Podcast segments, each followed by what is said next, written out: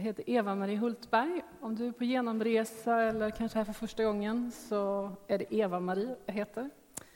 Jag kan kanske den här sommaren också kalla mig ganska ny i Linköping. Sen får jag sluta med det, tänker jag. För nu har jag bott här i ett år snart och jobbat i den här fantastiska församlingen. Jag ska tala idag om att Jesus säger att han är den gode heden. Och den här predikan kommer mig själv ganska nära. Så känner du av det så är det så. Att bryta upp och lämna allt invant tillsammans med två tonåringar har varit en speciell resa, en utmanande resa. För mig på många sätt en härlig resa också. Men jag har behövt den här herden som jag ska predika en liten stund om. Som Fredrik sa så har vi valt det här temat under den här sommaren, under sommarsöndagarna eh, där vi kommer tala om hur Jesus presenterar sig själv. Och vi kommer stanna inför det som man brukar kalla för Jesu jag är-ord. Han säger till exempel, som idag, då, jag är den gode herden. Och det är i Johannes evangelium som de här sju stycken jag är-orden finns. Det är tröstande uttalanden som Jesus ger. Det är också några rätt så utmanande, skarpa men väldigt inbjudande ord om sig själv han säger. Och alla de här sakerna han säger om sig själv har liksom som ett eh, förnamn, eller kanske efternamn, som är jag är. Jag är, och jag är, och jag är. Och det är också ett namn på honom. Fredrik introducerade som han sa, det här temat förra söndagen och gav just en bild av det här jag är. Eh, och lyssna på den predikan om inte du var här, så kommer du få ut mycket mer av de här andra sju, eller de sex som är kvar efter idag. Och det här jag är-namnet har sitt liksom ursprung i Gamla testamentet. Och vi får det väldigt tydligt presenterat i en all, ett alldeles speciellt gudsmöte som finns beskrivet i, i Andra Mosebok kapitel 3. Där är det Mose som får syn på något otroligt konstigt. Jag har aldrig varit i närheten. Han får syn på en buske som brinner, men den brinner inte upp. Och så hör han någon som talar ur busken och han förstår att det är Gud. Och Gud vill kalla Mose, han vill sända Mose att vara med och rädda hans folk ur Egypten. Och så undrar Mose, ja, men nu när jag ska gå och stad och rädda det här folket, vem ska jag hälsa ifrån? Vem är det som har sänt mig? Och då svarar Gud, jag är den jag är. Säg dem att han som heter Jag är har sänt dig till dem. Så det här gudsnamnet Jag är, det är liksom det omöjligt att uttala namnet på Gud i Gamla testamentet. Och när Jesus börjar tala om sig själv då, i de här termerna, jag är en massa olika saker, så är det retoriskt liksom en direkt signal till judarna som han talar med. Jag står här och menar att jag är den där guden. Den helige, den skapande, den evige guden, den med all makt. Det är vad Jesus står och säger, och det hör de som lyssnar. Vi ska läsa idag från Johannes 10. Och jag kommer läsa vers 11 till 15. Och dagens liksom citat finns alldeles direkt. Det är som en sån här minnesvers från söndagsskolan. Jag är den gode herden. Den gode herden ger sitt liv för fåren. Den som är lejd och inte är herde den som är lejd och inte är herde och inte äger fåren, han överger fåren och flyr när han ser vargen komma. Och vargen river dem och skingrar jorden. Han är ju lejd, alltså bara anställd, och bryr sig inte om fåren. Jag är den gode herden, och jag känner mina får och de känner mig. Liksom Fadern känner mig och jag känner Fadern, och jag ger mitt liv för fåren. Jag är den gode herden. Den gode herden ger sitt liv för fåren. Jag ska nämna fyra saker som jag tror att judarna som lyssnar på Jesus hör och som kanske vi omedelbart inte hör. Jag tänker att det har blivit något ganska snällt och lite lullulligt och så här söndagsskolplanscher från min barndom över de här orden. Jag är den gode heden, som en sorts bara huvudkudde. Men han säger ganska mäktiga saker. Till exempel så kan det vara så här att judarna hör att Jesus liksom syftar tillbaka på ett par stycken profettexter i Gamla testamentet. Att han till exempel faktiskt står och säger att han är uppfyllelsen av det löfte som Gud har gett sitt folk Israel genom profeten Hesekiel. I Hesekiel 34, vers 23 24, där skriver profeten så här. Jag ska ge dem en enda herde, min tjänare David, och han ska valla dem. Han ska valla dem, han ska vara deras herde. Jag, Herren, ska vara deras Gud och min tjänare David ska vara deras furste. Jag, Herren, har talat. Och min tjänare David, det är Jesus. Det är han som skulle komma av Davids släkt. För kung David har redan levt och dött för ganska länge sedan. Med sitt ord om att vara den gode herden gör Jesus anspråk på att vara den rätte ledaren för Guds folk, den som Gud själv skulle sända, den här nya David som man väntade på. En annan sak som det är väldigt troligt att judarna hör, det är vad Jesaja har profeterat i Jesaja 40. Er Gud kommer. Herren Gud kommer i all sin styrka. Han härskar med mäktig arm. Sin segerlön har han med sig. De som han vunnit går framför honom. Som en herde vallar han sin jord. Han tar upp lammen i sin famn och bär dem i sina armar. Han driver tackorna varligt. Han är Gud själv, skriver profeten Jesaja genom att tala om heden. Och judarna som Jesus talar till, de kan sina profetord om heden och de hör i princip att Jesus säger, det är jag. Nu är jag här. Det är Gud själv, han som skulle komma. Sen tänker jag också att de flesta av oss har inte sett jättemånga herdar varje gång. Det är visserligen lite får som går omkring här i Linköping. Jag tycker det är ganska sött. Alldeles nära där jag bor, som är i stan, så går det runt får. Jag ser dock inte herdarna så ofta. Jag tror fåren får sköta sig själva. Eh, men jag har sett en herde en gång ordentligt. Eh, där vi hyrde fjällstuga i många år när jag växte upp så var det av faktiskt en fåraherde. Så han hade fjällstugor och så hade han en fårjord. Och min pappa var alltid så fascinerad av det där. Se hur fåren samlar sig runt sin herde. Se vad som händer när herden kommer. Vi som kanske mest ser ko... Vad heter det? Bönder? Ko, sådana som har kor. ja, jag är från stan. När korna ska in på kvällen i alla fall, då ser jag framför mig en sån här ganska ointelligent råmande skock liksom, som man föser bakifrån så här med någon stör. Liksom. Och de lite halvt motvilligt liksom, knös in i, i laggorn. Men när herden kom i Norge där till sina får så räckte det att liksom herden kom ut i hagen, så kom alla fåren. Bakom och ville följa efter, eller runt om. Och särskilt starkt var det när fåraherden liksom kallade på fåren. Det som vi också kan läsa i Bibeln, de känner igen hans röst. Så den bilden har jag fått av fåraherden. Och jag tänker att vi som ofta är i kyrkan och kanske ofta har läst och hört psalm 23 i Psaltaren, det kanske är där vi har lärt oss mest om en herde. Där står det ju så här. Herren är min herde, ingenting ska fattas mig. Han för mig i vall på gröna ängar. Han låter mig vila vid lugna vatten.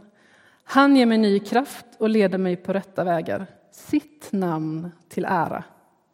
Och I en annan översättning läste jag Du låter mig hämta andan.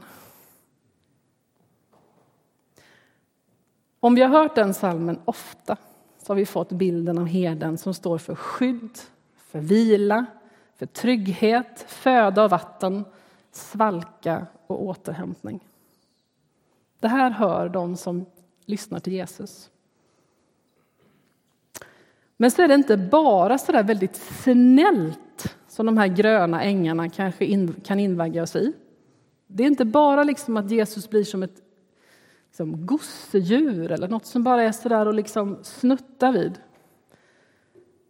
Jag ser också framför mig just de här tavlorna med en väldigt blond Jesus som lägger ett får på axeln. Och man ser inga faror, man ser bara det där väldigt snälla. Men både inramningen runt liksom den här texten i Johannes 10 och också fortsättningen i psalm 23, jag ska snart läsa, är ganska dramatisk. Och att vara herde var inte bara att ligga och ha picknick. Liksom. Det var inte bara att vara på den gröna ängen. Det var att hitta dit. Det var inte bara harmoniskt, det var farligt, riskabelt, det var ett tufft jobb att skydda fåren från rovdjuren. Det var på liv och död, obekvämt, med väldigt stora risker och faror. Så är ju våra liv på många sätt. Jag tänker att vi lever i en tillvaro som ständigt hotas av den mörkaste liksom dal, en, en, en ondska som vi kan se och ta på ibland, destruktiva krafter, liksom allsköns elände. Och fortsättningen i psalm 23 lyder så här. Inte ens i den mörkaste dal fruktar jag något ont, ty du är med mig. Och i Johannes 10, versen innan, i vers 10, där står det om den totala motsatsen till den gode herden, nämligen så här. Tjuven kommer bara för att stjäla, slakta och döda. Men jag, säger Jesus, har kommit för att de ska ha liv och liv i överflöd. Jag är den gode herden. Vilket dramatiskt uttryck som den här psalmförfattaren tar till. När jag är i den mörka mörkaste dal så är du med mig. Och vilken dramatisk liksom fond eller bakgrund Jesus målar upp när han vill berätta om sig själv. Motsatsen till mig, det är tjuven. Och han kommer bara för att slakta, meja ner, förstöra. En tjuv, ondskan själv. Rå, skoningslös, råbarkad, ondskefull. Det är som ett plundringståg i den där meningen. Och ibland är livet så. Och så kontrasterar Jesus med sig själv. Jag är någonting helt annat. Jag är den gode herden.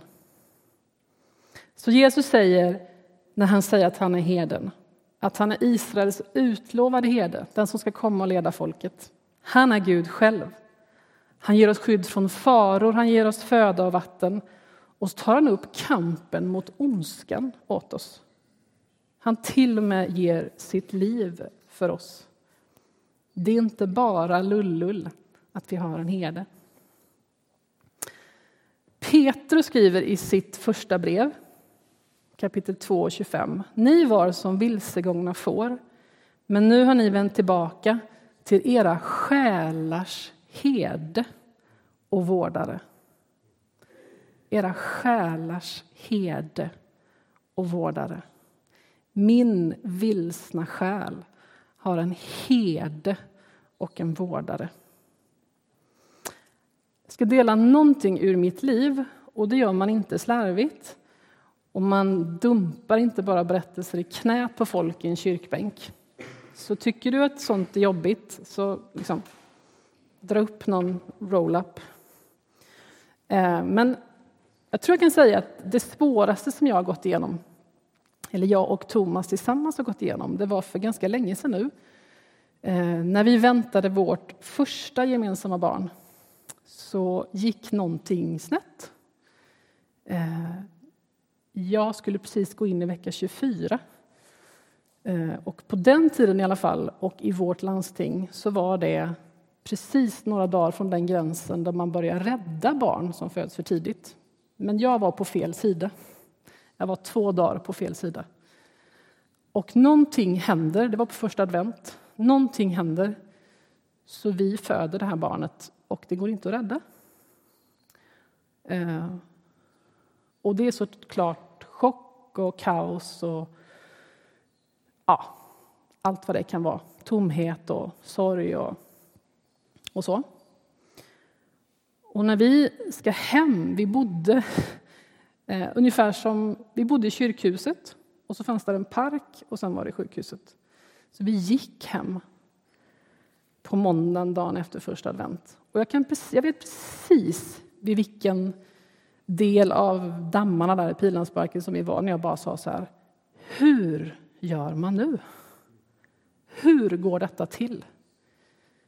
Eh, jag var inte så gammal och jag hade aldrig sörjt. Liksom. Hur gör man nu? Och är det någon gång som vi har fått uppleva det, min själs herde och vårdare, så är det då. För han hörde när vi sa det. Hur gör man nu? Och så tog han oss vid handen och så var han vår själs herde och vårdare. Och vi tog oss igenom det där. Och vi fick två fantastiska flickor. Och vi höll ihop och gör det fortfarande. Eh, och alla de där yttre hoten man skulle kunna tänka sig kan hända i ett sånt läge hände liksom inte. För vi hade vår själs herde och vårdare. Och han höll oss till sig. Vi gjorde inte det. Vi hade ingenting, ingen liksom muskelstyrka att hålla fast vid något. Utan han höll helt och hållet. Och jag säger inte det här för att du ska bli obekväm nu eller känna att du måste ta hand om mig på kyrkkaffet. Utan jag säger det därför att jag tänker att det här är inte den svåraste berättelsen som finns i det här rummet. Jag tror inte alls det. Jag tror det finns tillfällen när många här inne har sagt nu vet jag inte hur man gör. Men han vet hur man gör. Han kallar oss vid namn och han är vår herde. Han är vår själs herde och vårdare.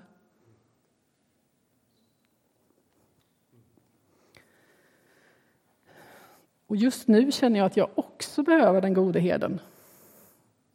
Det är så i livet ibland, eller hur? Och jag kan märka att nu blir jag jättepersonlig. Och det kan vara dåligt, men jag gör det i alla fall, för att du kanske är likadan. Jag kan tänka så här ibland, när man står med sitt bekymmer, att man liksom står med det så här. Man håller fast det stenhårt. Här är mitt bekymmer. Och Gud, du ska lösa det nu. Här, liksom. Här i min kramp här nu ska du lösa det. Jag vet hur det ska lösas och du ska göra det. Under tiden ska du hålla mig uppe och du ska göra mig glad. Liksom. Och så står han där borta. Och här står jag med mitt bekymmer. Och det är inte så lätt alltid att liksom så här, okej. Okay. Om du står där och håller det istället och sen så och så litar jag på att det löser sig. Jag tycker det är svårt ibland att lämna över och att låta Gud på riktigt bära bekymren. På riktigt vara den där herden. På riktigt vara den där som vi säger bär genom allt. Och kanske är du som jag, att du tycker det är fint med den där tavlan på den blonde Jesus som bär fåret. Och så länge allt går bra så är den tavlan ju jättefin. Och sen när det väl gäller så är det inte så väldans enkelt att ge det till honom. Och då är han här idag, han som är den utlovade, han som ska leda Israel. Han som ska vara en herde för sitt folk, han som var med, han som är jag är, han som var med vid jordens skapelse, han som har varit med allt sedan dess och han som en dag ska upprätta allt. Han som är början, han som är slutet, han som uppehåller allt med sitt ord. Han som är, han är här. Och han är ingen gullig liten herde han är en mäktig, stor och stark herde som på riktigt vill ta över våra bekymmer.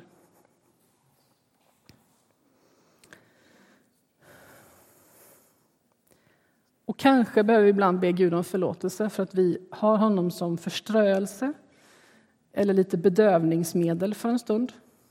Eller det där gosedjuret.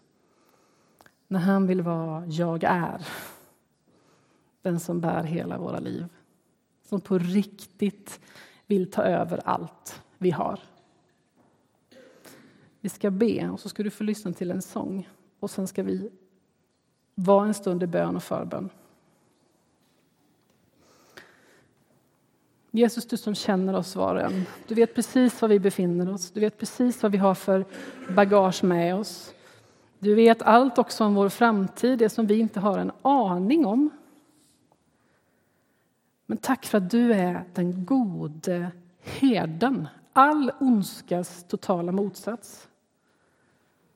Och inte bara ondskans totala motsats, utan också den som totalt ska förgöra ondskan och som håller på att göra det och som en dag ska göra det slutgiltigt. Tack att vi får ta rygg på dig, Jesus. Tack att vi får följa efter dig. Tack för att följa dig innebär att du är med i den mörkaste dal och att du för oss till återhämtning, andhämtning, vatten, svalka, skydd.